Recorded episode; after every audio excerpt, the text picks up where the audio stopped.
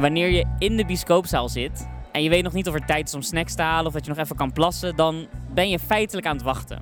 Het doek is nog zwart, de deur is al dicht, je wacht tot de reclame begint en zelfs als reclamemascotte Jean Mineur met zijn pikhouwwiel al in beeld is, verlang je nog naar het daadwerkelijke begin van de film. Als je een film moet zien, moet je altijd wachten. In de rij, bij de kassa, voor je drankje, voor het betreden van een zaal. De filmkijker is in essentie een wachter.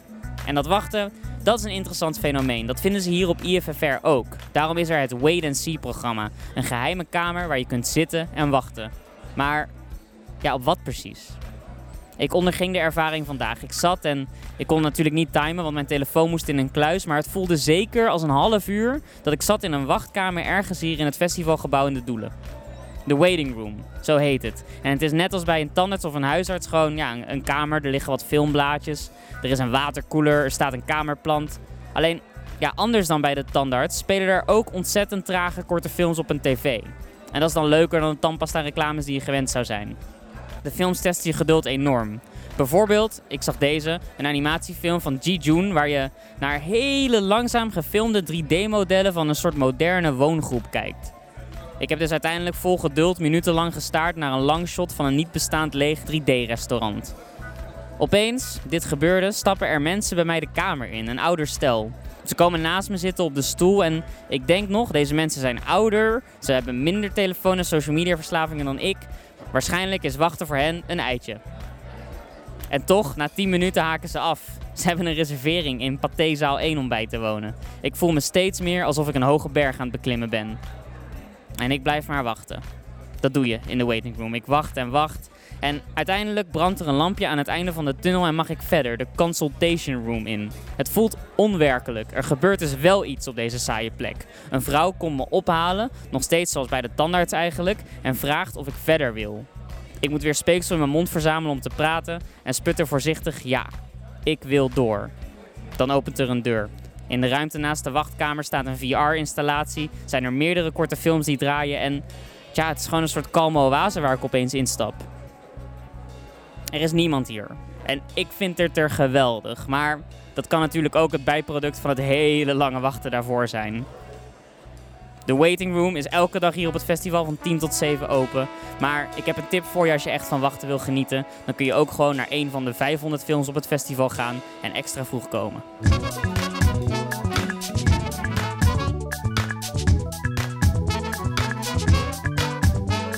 Welkom bij de tweede aflevering van de VPRO IFFR Festival Podcast. Dit is een festivalgids op zakformaat, waarbij ik, Cesar Majorana, de eer heb talenten op dit festival te spreken en tipgevers te ontvangen die ons precies kunnen vertellen wat nou de pareltjes van deze IFFR-editie zijn. Ik doe het allemaal vanuit het festivalhart hier in de Doelen tussen de speurende journalisten en enthousiaste filmkijkers. Straks, dan ontvang ik hier in de podcast Sarah Blok en Lisa Conno, twee meisjes met smaak. Sarah studeerde af aan de HKU en Lisa deed dat aan de Artes Hogeschool voor de Mode.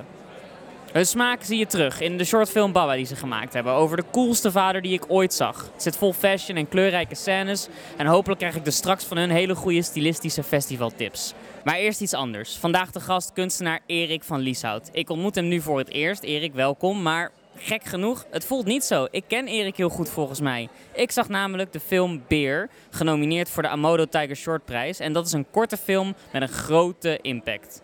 Komt allemaal omdat Erik ons een inkijkje biedt in het hoofd van een kunstenaar. Erik heeft namelijk iets geks meegemaakt. Hij won een geldprijs van Heineken, de Dr. A.H. Heineken prijs voor de kunsten. En dat is dan 100.000 euro op zijn rekening. Erik raakt daarna in de knoop. Mag je als kunstenaar wel geld accepteren van zo'n multinational? In een interview met het Parool vraagt hij zich zelfs hardop af: wie geeft er nou een ton aan een kunstenaar? Nou, vind ik een hele goede vraag voor een documentaire. Mensen denken immers dat het heel leuk is om kunst te maken, maar ik keek naar Beer en Erik van Lieshout en hij laat precies zien hoe frustrerend het kan zijn. We zien Erik terwijl hij letterlijk de muren in zijn huis afbreekt, ruzie maakt met het café in zijn straat en zelfs zijn seksleven komt op straat te liggen in een poging een eerlijke documentaire te maken. Erik, nogmaals welkom. Heb je inmiddels al antwoord op die vraag? Wie geeft er nou een ton? Ja, Ja, nou ja, Heineken dus. Hè. En de, de, nieuwe, de nieuwe prijswinnaar is bijna bekend. Over twee maanden hebben ze weer een nieuwe. ik vraag me wel meteen af, is het al op je ton? Nee, ik heb de helft nog. Oh, Dus wat ik wilde doen met de helft van het geld heb ik dus besteed aan, aan dit project, aan deze film of aan een werk. uh-huh. Aan het, de andere helft wilde ik gelijk een atelier van kopen. Eh, het atelier waar ik nu in zit. Maar de, doordat er- de gemeente heel traag werkt en allerlei gedoe en gezeik, kan ik het nog steeds niet kopen. Dus ik hoop dit jaar dat, dat, eh, dat het gebeurt. en dan Dus is er... daarom heb ik die weggezet, snap je? Dus eh, ja. Dat is slim. Je bent een hele slimme zakenman voor iemand die ook kunstenaar is dan. Nou, op, je, je, op, op den duur leer je dat toch. Ja. Iedere keer eh, dezelfde fouten maken en zo. Ja. Laten we even praten over wat er gebeurt bij jou thuis. Want jij begint het af te breken. Jij merkt, mijn huis moet in het teken van Heineken staan. En dan worden dingen worden groen, er komt een Heinekenster. Hoe ging dat proces?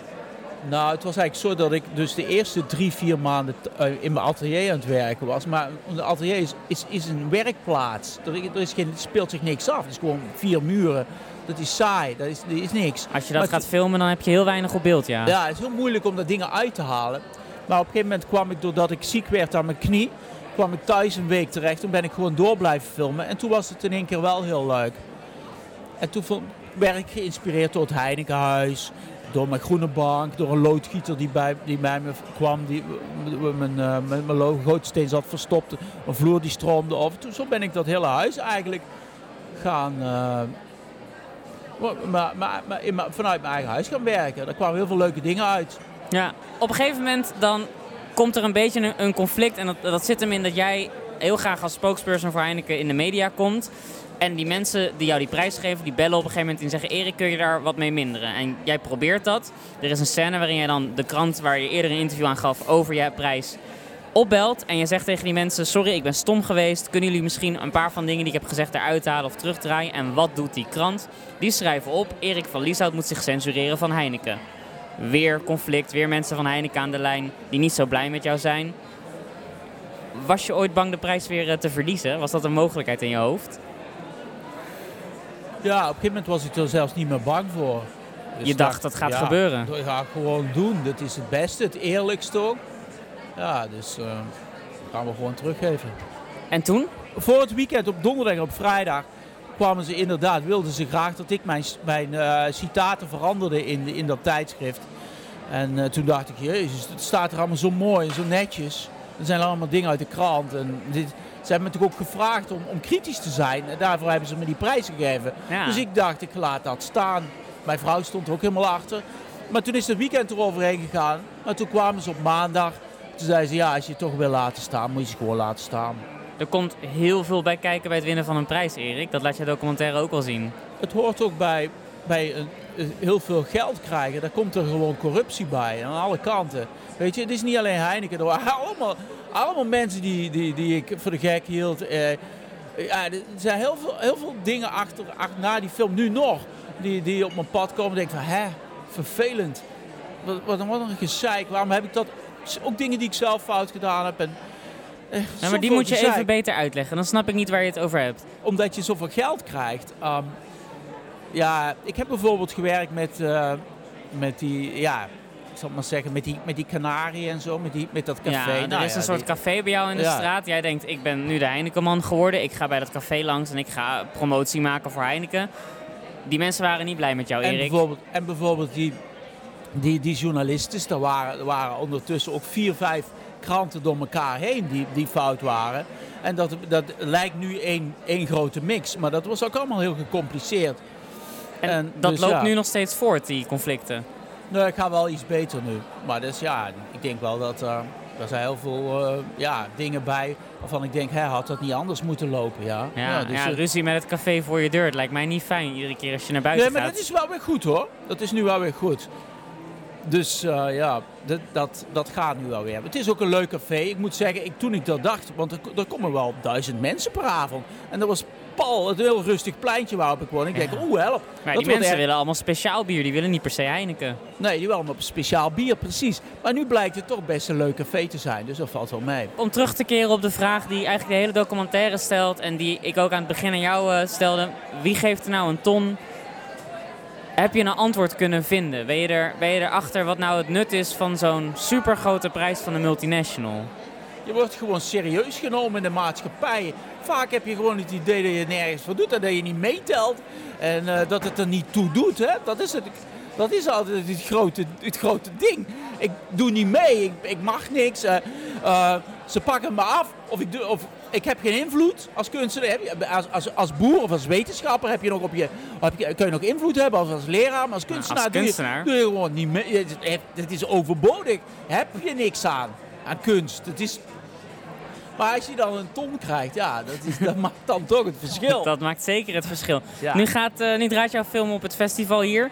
Mensen gaan voor het eerst jouw werk in plaats van in een museum, dus in een bioscoopzaal zien. Is dat nog anders voor je? Dat dan zo'n hele Ja, ja, zaal met mensen tegelijkertijd zitten kijken. Dat is een groot verschil, ja. Want normaal zi- zijn mijn films in museums en galeries en zo. Ja, klein, eh, installatief, installaties. Met vijf of tien of twintig mensen de film zien. is heel anders dan met 300. Ja, ja, ja. Dus Is het leuker? impact Ehm, nee, is niet leuker. Is niet leuk? Je vindt het niet leuk om applaus te krijgen? Jawel, dat is wel leuk. Dat, dat is leuker, ja. Maar het, het, het is toch, het communiceert toch het beste met kunst. En je, je kan in en uit lopen, mensen zien dingen anders. Het is, wel, het is vrijer hè, in een installatie. Nu, nu wordt het ook platter. Eh, het wordt amusement nu. Dat is het ook hoor. Ja, daar kom, kom je eigenlijk, ja. En uiteindelijk gaat het experiment ook daarover. Over kunst, amusement, wat het Ja, betekent ja, om reclame te maken. Dus ik kan je alleen maar dankbaar zijn voor het maken Precies. van dit inkijkje in het hoofd van een kunstenaar, Erik. Dank je wel daarvoor. Ja, jij bedankt. De film draait nog. Eh, hij is uitverkocht voor de eerste paar volgende voorstellingen. Maar maandag 27 januari heb je nog een kans om half negen in Cinerama 2. Ga dat zien, het is een bijzondere film.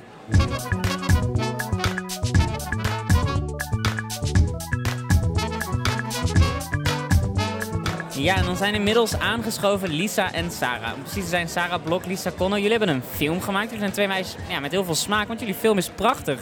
Het heet Baba en het gaat over de allercoolste vader die ik ooit heb gezien. Een vader die in Paradiso heeft gespeeld. Een vader die heel... Zo, weet je wel, zo eentje waar je dan, als je dan thuis komt met je vrienden na het uitgaan... dat je nog even zo'n goed gesprek volgens mij met je pa kan voeren.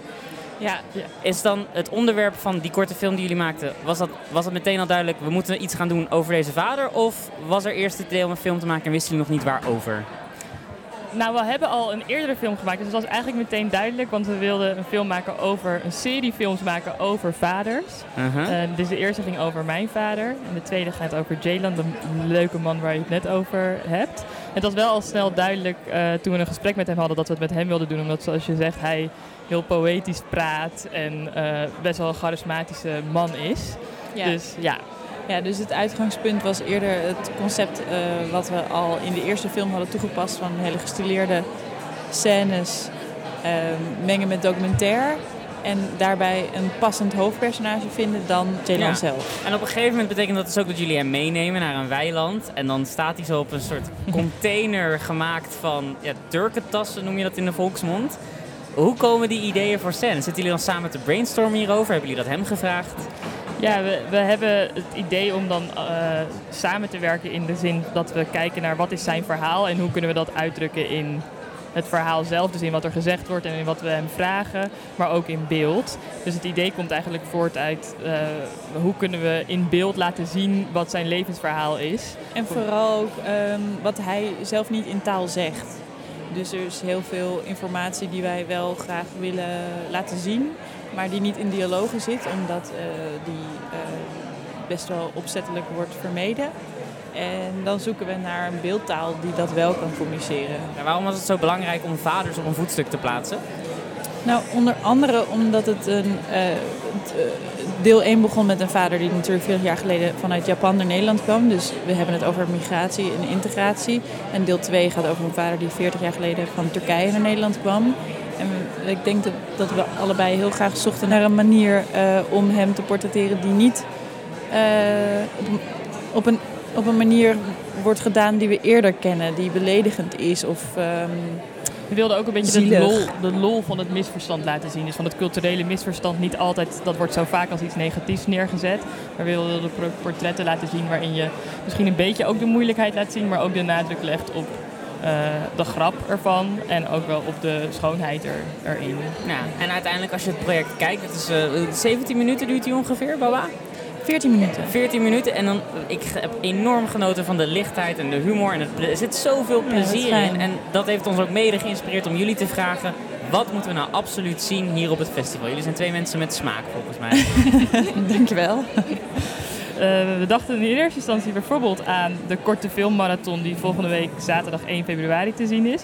Lisa, jij zegt dit en ik zie er een soort smurk bij. Volgens mij heb je hier grotere motieven achter. Ja, ik, ik, nou eigenlijk is het een beetje dat ik denk, ja, ik, uh, ik kan wel tips geven, maar wat ik zelf altijd het leukste vind bij films is als ik niks heb gezien. Geen trailer, geen niks gelezen, geen synopsis, maar als het je gewoon overkomt. Dus dat je niet weet van tevoren, dit is het. En dat is heel erg wat er in dat... Uh, in, in, in dat, die marathon zit. Omdat je eigenlijk van tevoren niet weet wat je krijgt. En je krijgt gewoon een heleboel korte films. Dus je maar kan er zo... nu gok ik, omdat jij het tipt, dat jullie korte film Baba toch ook wel in die filmmarathon zitten. Alleen kun je Ja. vertellen hoe laat en wanneer? Want hoe lang duurt die marathon? Ja, nee, die duurt dus zes uur en we weten niet hoe laat en wanneer. Dus dat is Jawel, gewoon, jawel. eh, Ehm, hij duurt zes uur. Dat vind ik ook heel vet. Dat Ja, het maar niet hoe dat laat, programmeert. eh, Van tien uur 's ochtends eh, tot dus, ja wat is dat? Vier uur? Vier uur. En dan is er, begint het blok gewoon nog een keer.